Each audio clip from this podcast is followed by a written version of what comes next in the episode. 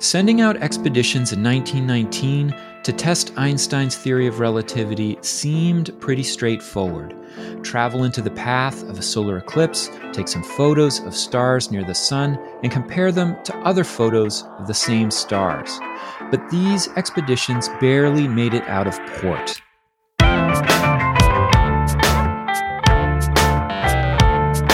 It's time to eat the dogs. I'm Michael Robinson. Today, Daniel Kennefick talks about the resistance to relativity theory in the early decades of the 20th century and the huge challenges that faced British astronomers who wanted to test the theory during the solar eclipse of 1919. Kennefick is an associate professor of physics at the University of Arkansas, Fayetteville. He's the author of No Shadow of Doubt the 1919 eclipse that confirmed Einstein's theory of relativity. Daniel Kennefick, thank you so much for talking with me. Thank you for having me, Michael. So, in 1905, Albert Einstein publishes a series of papers, one of which I think is called um, On the Electrodynamics of Moving Bodies, becomes the basis of his theory of special relativity. What is at the heart of this uh, theory, and and why do you think it's so important?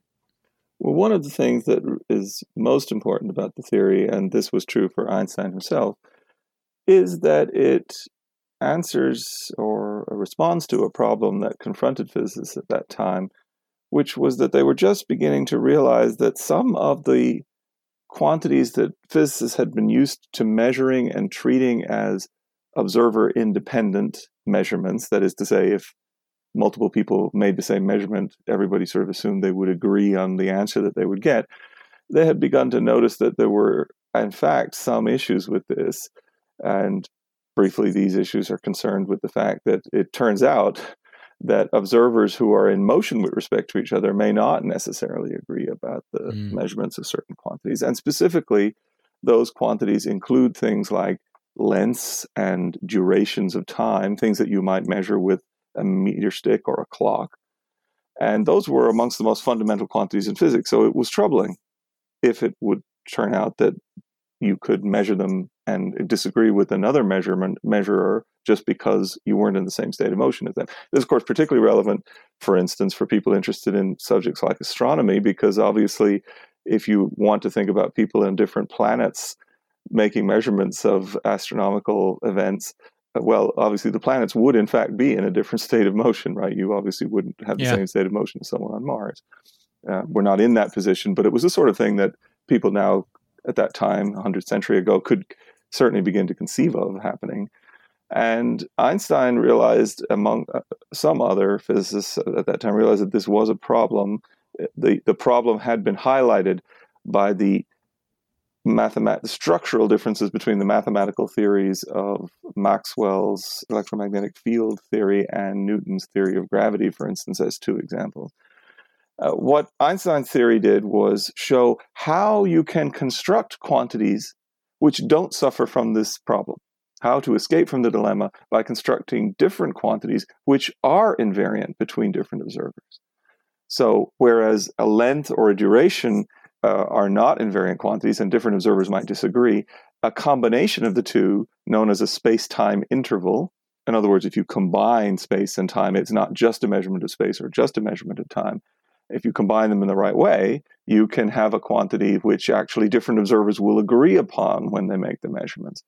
And this was so important to Einstein as one of the successful features of the theory that he actually objected to the term theory of relativity. He said if we were going to give it a name that begins theory of, we should call it the theory of invariance, because what I'm not doing is pointing out that we can't ever agree about measurements. What I'm pointing out is how we can proceed in order to be able to reach agreement about the measurements we make. Yeah, and in order to um, convince people, well, I should say, in the process of arguing this, he comes up with some pretty amazing claims for the behavior of phenomena, such as things like what happens to clocks when you're moving very quickly and things like that. And it seems like it even gets weirder with his more expansive theory of relativity, general relativity, which states that, or which begins to include things like gravity and acceleration. Can you talk about some of the bizarre predictions that Einstein's general theory of relativity makes? Sure. Well, as you correctly point out, Einstein was a very daring thinker.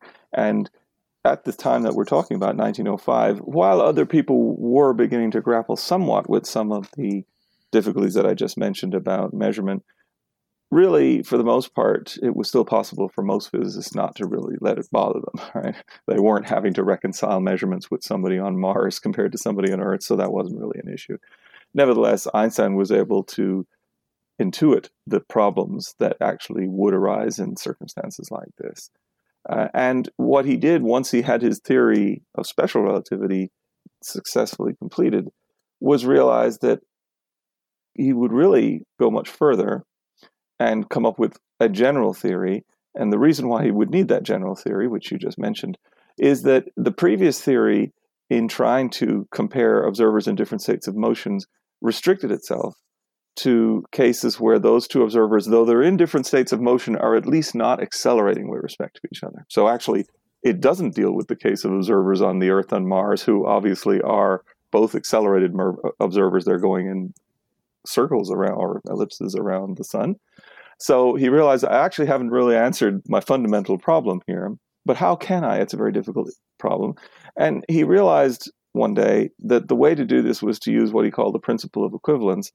And for him, this meant the idea that accelerated observers were equivalent to observers who were in a gravitational field. So, to talk about somebody on the surface of the Earth like a real astronomer, Einstein said, Oh, actually, this person actually has two problems they have to deal with. One is that they're in an accelerated system, they're orbiting the sun. The other is that they're in a gravitational field. Both of these things can actually affect their measurements of time and space. And that, of course, was a completely revolutionary idea which had not occurred to anybody else, uh, as far as we can tell, in the history of science. I was kind of, I was actually really interested in reading this. The degree of pushback that relativity theory got. I mean, it. I think it's become so acclaimed, and uh, Einstein himself is such an icon that um, yeah, I was just I was quite interested in in how many people were pushing back against it.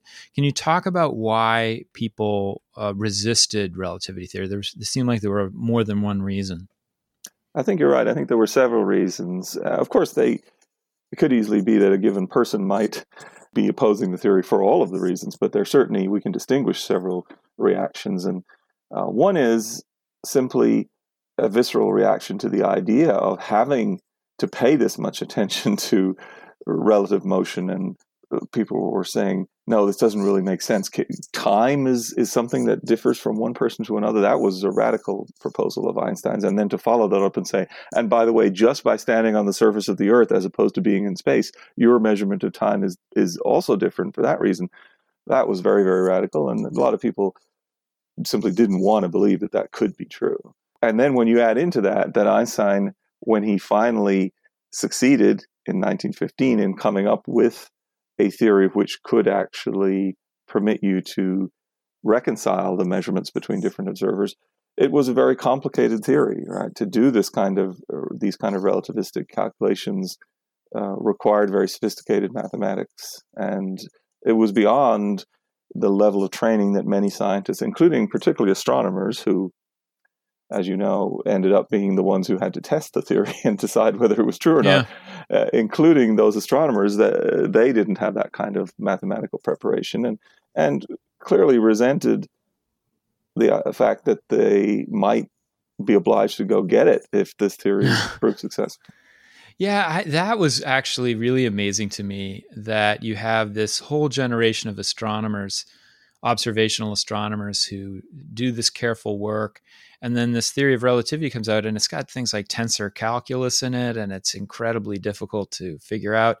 And that in and of itself is this kind of becomes this uh, sc- screen for this generation of people.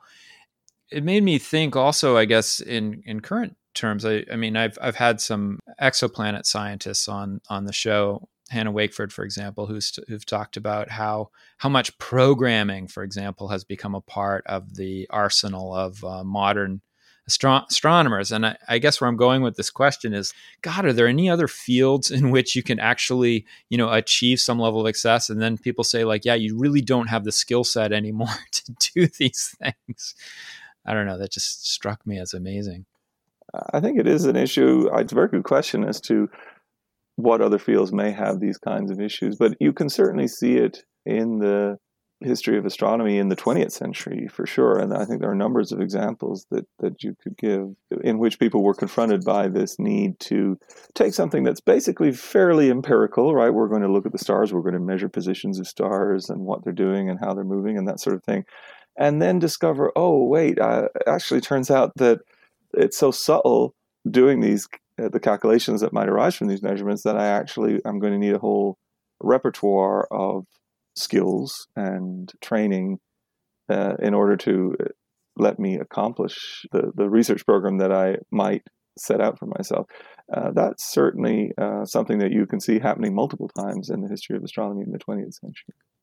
So in 1919, well, actually before 1919, when Einstein comes up with the theory of general relativity, he actually puts forward some some tests for the theory. One of which is what involves looking at the star field around the sun during a solar eclipse. Could you talk about that and why it would be a test for theory of general relativity? So Einstein was very conscious of the need to have some empirical tests of the theory. Uh, certainly, that was probably something that was intrinsically important to him but at any rate, he could obviously tell that people weren't going to accept uh, such a radically new theory without some kind of empirical test. And he realized that it would be difficult because the kinds of differences in measured quantities which arise because of different states of motion of the observers that I've been talking about depend upon the observers being in radically different states of motion, right? Uh, really, for the most part, the the difference in speeds of the of the Earth and Mars probably aren't big enough to make these measurements measurement differences obvious. Uh, as you know, it really will be most obvious if you're moving pretty rapidly compared to the speed of light, yeah. and that's a very very fast speed. And furthermore, even the gravitational effects are difficult to measure because, in fact, you need a very very strong gravitational field, and for the most part, certainly by the standards of measurement available a century ago, the Earth doesn't produce a sufficiently strong gravitational field. So he was casting his eye around for possible tests of the theory, and he quickly realized that he had to look in the context of the solar system close to the sun because that's the strongest gravitational field in the solar system. And one of the most important insights that he'd had right at the beginning of his thinking on this subject was that the equivalence principle, which I stated a moment ago in terms of these different observers, accelerated observers versus observers in a gravitational field, is more normally thought of in a much more straightforward way. It says, oh, everybody falls at the same rate in a gravitational field. That's an idea that goes back to Galileo. And it was the idea that lay at the heart of Einstein's thinking on gravity. And Einstein realized, well, if that's true, then surely light itself ought to be affected by gravity. And he had some very brilliant and subtle arguments for this, uh, one of which basically comes down to his famous equation E equal mc squared. He says if light has energy, that's the E, then it should also have mass, that's the m in the E equal mc squared. And if it has mass, then surely it should be affected by gravity. But how can we tell? And his answer was, well, as light goes close to the sun, as it passes close by the sun, it could be influenced by the sun's gravity. That would cause it to fall a little bit towards the sun. And the result would be that it's deflected from its path. And so, if we're talking about light from a star coming to the Earth, skimming past the edge of the sun, the star would actually be in a different position from where we would normally expect to see it because of the presence of the sun. Of course, we can't see stars close to the sun in the sky because the sun is so bright. And so he quickly realized that we're, of course, living on a planet with the very fortunate characteristic that our moon is the same exactly the same apparent size in the sky as our sun. And so we get these spectacular total solar eclipses in which the sun is perfectly blocked out, but you can still see the sky close to it. Around and so it, he yeah. said, let's try to look at stars, measure the positions of stars close to the sun during a total solar eclipse, and that might test the theory. So the thing that's so interesting to me about that is that there there were other tests, but we never hear about. I you know I read about them for the first time in your book. that mm-hmm. actually there was a that Einstein was looking at this issue of Mercury's orbit and that Mercury had this weird precession in its, its elliptical orbit. It kind of swung around like uh, what do they call those things? An not an etch a sketch. Is it an not an etch a sketch? I forget what they were called when I was a kid. Anyway, but that it would uh, that it would exhibit these behaviors, and that he found that the theory of general relativity could actually explain it. And then this other one, which even seems more straightforward, is that if gravity is affecting light, and it's actually redshifting it, I guess, in a big gravitational field, you should expect to see some shift near star uh, near stars, which you do see towards the sun. Why? Why do you think these other experiments, you know, never get talked about the way the eclipse uh, experiment does? I think there are certain reasons for that if we look at the Mercury perihelion, and I think maybe the toy that you're thinking of is the spirograph. Yes, yeah. the spirograph. Yeah. That's so, uh, as you say, uh, what turns out is that because, uh, and this is another aspect of Einstein's theory that we haven't touched on yet, but is worth mentioning. Uh, Einstein, in showing how he could develop this theory of gravity, this theory of general relativity, convinced himself and ultimately others that the nature of gravity is to curve to change the geometry of space time. And therefore, if the sun has a strong gravitational field, that means that the geometry of space time close to the sun is actually not Euclidean. Uh, there's act- it's actually different from Euclidean geometry in the same way that the geometry, if I do geometry on the surface of the Earth, that's on a sphere, not on a flat plane, and therefore it's not actually Euclidean geometry.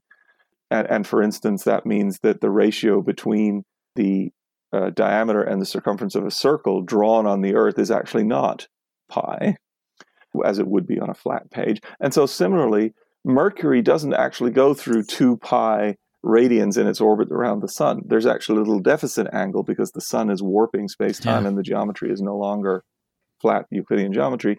The upshot then is just as you say, Mercury sort of overshoots each time and ends up having this perihelion precession with which Einstein exactly calculated, and it was the first great success of his theory. But one important caveat was that astronomers already knew about this interesting effect. Uh, Einstein was, in that case, not predicting something new, but explaining a yeah. known phenomenon. And although, in fact, his theory made a very clear cut prediction, there was really no wriggle room. He couldn't have just adjusted his calculation in any meaningful way to make sure that he got the right answer. But most people didn't know enough about the theory to know whether that was really true or not. So there was a sense in which that brilliant uh, and successful prediction of the theory, or retrodiction, or whatever we want to call it, although it was very impressive for those who knew about this uh, existing anomaly that had been unexplained up to that point. Nevertheless, it did look from the outside a little bit like Einstein was just successfully manipulating his calculation to explain retrofitting his uh, theory yeah, to right. uh, what you see. And what about this the uh, redshifting of light? I mean, that's quite easy to observe. In fact, isn't it? Yes, but unfortunately, easy enough to observe difficult to fit in with Einstein's predictions in a in a quantitative way, not because of any difficulty with Einstein's predictions, just because of the complexity of the problem. Again, the gravitational redshift was something that astronomers already knew about. They knew that colors on the sun are actually a little redder than they should be when they look at spectral lines uh, coming from the sunlight, for instance. But when they tried to specifically explain it in terms of Einstein's theory, they realized that you couldn't in any hard and fast way. And the reason is fairly straightforward. The sun, of course, is a hot gas, and elements of that gas are rising and falling in the solar atmosphere. And so sometimes you have some Doppler shifting. In fact, typically you have Doppler shifting, both red and blue, on top of the general gravitational redshift, which Einstein proposed. And so the result is that you would have to disentangle these effects from each other in a situation in which you have no independent way of knowing how fast this, the gas on the sun is rising and falling. So it can't count as a quantitative test of the theory, though in the end, people did realize that it was, in essence, a very strong qualitative test. It was pretty clear that overall there was this tendency towards a gravitational redshift of about exactly the size proposed by Einstein. But it never had the drama or was as convincing as the light deflection eclipse test because of this sense in which it was really a, almost a qualitative. On the one hand, it was both almost qualitative, and on the other hand, very statistical in nature because the only real way to be convincing was to measure a whole load of spectral lines and then analyze the ensemble of them and that sort of thing. Mm. So, in short, it wasn't as clear cut and convincing a bit of evidence as the other case. Another surprise for me was, you know, not only the difficulty of doing these kinds of tests that you're talking about, but the successful eclipse expeditions were also really difficult. And uh, yeah, I was quite surprised by how unsuccessful these eclipse expeditions often were and frustrating and really expensive. Can you talk about that? Yes, there's no doubt that it was a very difficult test to do. And Einstein himself was conscious of this. He wasn't making life easy for the astronomers, and he did want them to do the test. Uh, and we have a letter from him as early as 1913 to the American astronomer George Ellery Hale asking Hale, is there any way that we could do this test in daytime without having to do the eclipse? Because he knew that it wasn't going to be yeah. easy. Uh, because total solar eclipses are visible only along relatively narrow tracks on the order of typically varies, of course, but on the order of 100 miles wide. They do take place pretty regularly, but at, at any given moment, you're going to have to travel to see one in any given year. And uh, of course, you're going to have to be taking this very uh, d- delicate and high precision instrumentation with you, that's not making your life easy. And you're going to have to set it up on site uh, without the usual observatory that you would have. So, in short, it was going to be challenging for any astronomer or group of astronomers to perform. And then you have to add into that, of course, vagaries of weather and the fact that the eclipse lasts only a few minutes. So you really only have one chance at it. And if something goes wrong, and of course, things go wrong in experiment, scientific experiments all the time. Mm. And what usually happens, of course, is you try to figure out what went wrong, correct it, and do it again. But that isn't an option for an eclipse expedition. And added to that fact are the difficulties, the unique situational difficulties of doing this eclipse in 1919 months after the end of the First World War. How does the war affect this story? Uh, the war had a huge impact on uh, specifically the 1919 eclipse expedition, but also all of the other efforts to t- test the theory that took place in the years preceding. Einstein's early success in trying to interest astronomers in testing his theory was with the German astronomer called Erwin Finlay Freundlich, who really stepped up to the plate, found Einstein's ideas fascinating, did have the mathematical training and background to really understand the theory, which probably helped. And he tried to go and test the theory in 1914 in eh, the Crimea in Russia. The eclipse took place in that year in August 1914, and as you know, that's when World War One broke out. A couple of weeks before the eclipse actually took place, and of course, Freundlich was German. He was an enemy alien uh, in Russia as soon as the war broke out, and he was arrested as such, as was typical at that time at the start of a war. And uh, he never got to observe the eclipse. Now, he did interest at that time, and even a couple of years earlier, a well known American astronomer called William Wallace Campbell, the director of the Lick Observatory in uh, Northern California. He did interest Campbell in the test. And in 1918, there was an eclipse which crossed the United States. In fact, it was the last eclipse to cross the entire United States before the eclipse, recent eclipse of 2017. And so Campbell had a wonderful opportunity in 1918.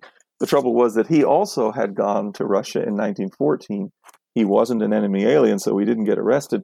But the Russians had better things to do with their ships than than help astronomers get their instruments home. Yeah. And so his, teles- his, his telescopes were still in Russia in 1918, and he had to make use with uh, make do with second rate equipment, which didn't do a very good job, and he never felt able to publish the results. And as a matter of fact, in 1919, the British had exactly the same trouble. They had not been able to get their equipment home from Russia in 1918 either. In fact, one of the interesting stories of the eclipse is that one of the English astronomers from 1914 was actually a Jesuit priest. His name was James Cortie. And Cortie had been refused permission to go to Russia because he was a Jesuit. It was forbidden for Jesuits to enter the Russian Empire. So he had had to watch the previous eclipse in 1914 from Sweden. And he did get his equipment home from Sweden uh, and it was that equipment which was actually used in 1919. So in 1919, it was very difficult for the British to get the right equipment together, to get the people together. Cortie himself couldn't go because he couldn't get leave because of the war. Uh, they had to find somebody else, but they were able to bring his telescope. So it was very, very difficult to arrange to go. Had the war lasted even a few weeks longer, it's pretty clear that they wouldn't have been able to go. The ship that took them to Brazil, which was where one of the eclipse stations was, was, it seems, the first liner to resume uh, regular commercial passage from Britain to Brazil after the war. It was carrying troops, right? The Anselm. Uh, that's right. So these oh. ships were, were used as troop carriers and and, uh, and in other military yeah. roles during the war. So eventually, two expeditions do leave on this one ship originally. One headed up, one headed for Sobral, Brazil, and the other for Principe, an island off the coast of uh, West Africa. What happens uh, during the eclipse? How does it go? Uh, as often is the case, they were threatened by clouds. In fact, Eddington was close to being completely so Arthur Stanley Eddington was the leader of the expedition that went to Principe uh, off the coast of Africa, as you mentioned. Uh, Eddington found that clouds were prevalent in the sky at that time of the year on the island, and sure enough, it was very cloudy on the day of the eclipse. It did thin a little bit, and he got some star images in the very last couple of images that he was able to take just at the end of totality but that was very limited amount of data.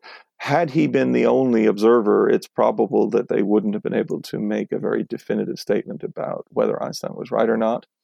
So, in that sense, a lot depended on the results from Sobral. And there they were luckier than Eddington. They also were confronted by cloud on the day, but it seems that a hole in the clouds appeared at just the right moment, just as totality was beginning the hole moved across the sun so that they could actually see the eclipse quite well. They still had some troubles. They had two instruments with them, one of which was the instrument that they had hoped would do the best job because it had a wider field of view and therefore they hoped it would have more stars on the plates.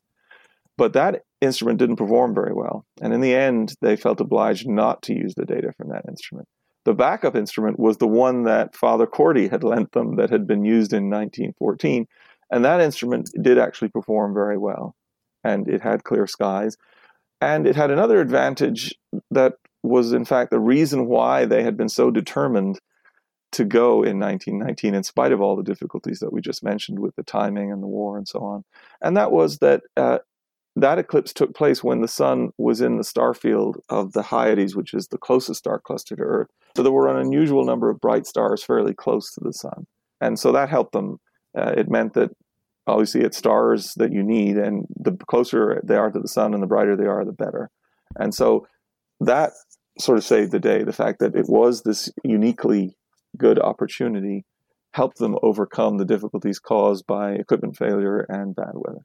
So, you know, the interesting thing I found in this whole process, this massive attempt to get an expedition to prove uh, Einstein's theory of general relativity, which he really wanted, by the time the expedition actually gets going in 1919, Einstein no longer has to be convinced. He's actually completely certain already that general relativity is real. And the reason that he gives, or I should say, the reason you give for him, is that he says, you know, this, well, this set of equations is just too beautiful for it to not be true. I was wondering if you could talk about that as a test of, um, I don't know, theor- theoretical confidence. Yes, it's in a very interesting case, there's no doubt. And even Einstein's friends and colleagues at the time commented upon the certainty that he had at the time of the eclipse expeditions in 1919 that they were going to come up with a result which agreed with his theory. And I think that there were two main reasons for that. One, as you say, is the beauty and the coherence with which the theory came together. The fact that in the end, when he had completed the process, which took him a decade or so, all in all, it almost seemed as if there really was only one answer, only one equation that really had all the requirements that he needed for the theory to actually do what it was supposed to do. So uh, that experience seems to have profoundly affected him and to have helped convince him so completely that it probably was the right theory. But of course, a second reason why he was so confident would have been the beauty and the striking level of precision in his agreement with the Mercury perihelion advance anomaly which had been observed. As I mentioned before, to others, that may have seemed to be a bit of a retrodiction rather than a prediction but Einstein could see that the theory didn't really have any wriggle room. There was no choice he could make in doing the calculation which would have permitted him to make the match look so good. It really just fell out that way. Hmm. Uh, so the experience of doing the calculations had this effect of making him so convinced that everything was right. And this aspect of the theoretical work that it, after all, also has its own. We talked earlier about the sort of training and skills that are needed to do theoretical work, especially theoretical work of this nature with very complex mathematical techniques needed. That I think is something that's quite an interesting aspect of the Eclipse expedition. You can see it in the way that Eddington's views are so different from that of his fellow astronomers, who, as we mentioned earlier, are by and large pretty skeptical about this new theory and and if anything are hoping that it's going to be proven wrong yeah. because they just don't want to have to deal with it. Whereas eddington was uh, much better able to appreciate the theory to get to grips with it to grapple with it and start to appreciate the beauty of it. And one way of talking about that beauty is to say yes it provides us with these marvelous tools that we can do things we couldn't have done before. This is very exciting. Let's hope this theory works out. So here you have on the one hand people who don't want to have to deal with the extra complexity, hoping the theory will fail. On the other hand, people like Einstein and Eddington who can appreciate that the theory gives you powerful tools that didn't exist before, hoping it will succeed. And one of the interesting things for me about the whole story is that today you have many people who are critical of Eddington. They say, and maybe a little critical of Einstein, oh, too overconfident about his theory, and that Eddington also sort of wanted the theory to succeed, and they feel like Eddington was biased. But to me, okay, if we want to say that's a bias, then the other people, they had their bias the other way. Well, why is one bias better than another? It just reflects the nature of their different biases, reflect the nature of their own personal backgrounds and the way they approach the field. Yeah, there seems to be more to this than just competing theories. There almost seems to be a mm, methodological aesthetic or something that uh, you know people don't like things that are driven by theory and another group of people i should say that some of these observational astronomers don't like these thought experiments that einstein is mm-hmm. doing mm-hmm. driving everything yeah. from this uh, set of uh, mental experiments and it actually kind of leads to another question i had which is do you think that this aesthetic criterion of beauty is still important today? I mean, you're a practicing physicist. Do you see this being deployed as a kind of proof or a persuasion for different kinds of theories? I think that it still is. And as a matter of fact, Subrahmanyan Chandrasekhar, who was a student of Eddington's and who, in fact, has given us a number of the anecdotes which he got from Eddington personally about the eclipse and has written about the eclipse, and he's a, he's a major source for my book. In a book in which he collected some of his writings about the 1919 eclipse, he gave the book the title Truth and Beauty hmm. because he wanted to get at this thing, this aspect of physics, which was very important to him as a physicist, of the aesthetic aspects of physics. You know, the fact that, yeah, you may say to yourself, well, I think this is the right approach. It's so beautiful, it's so coherent. I think it must be also true.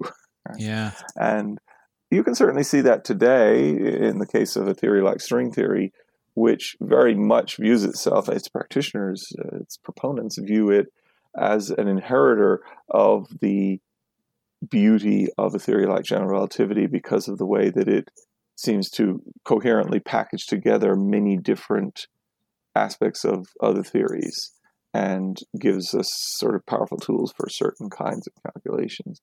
And mm-hmm. there are many people who are very uncomfortable with this and point out that, in fact, string theory seems to have had very little empirical success. So, is this a possible case where we're being led astray by the pursuit of beauty when it's not being backed up by the empirical success which the 1919 expedition is probably the paradigmatic example of in the early history of general relativity. Yeah.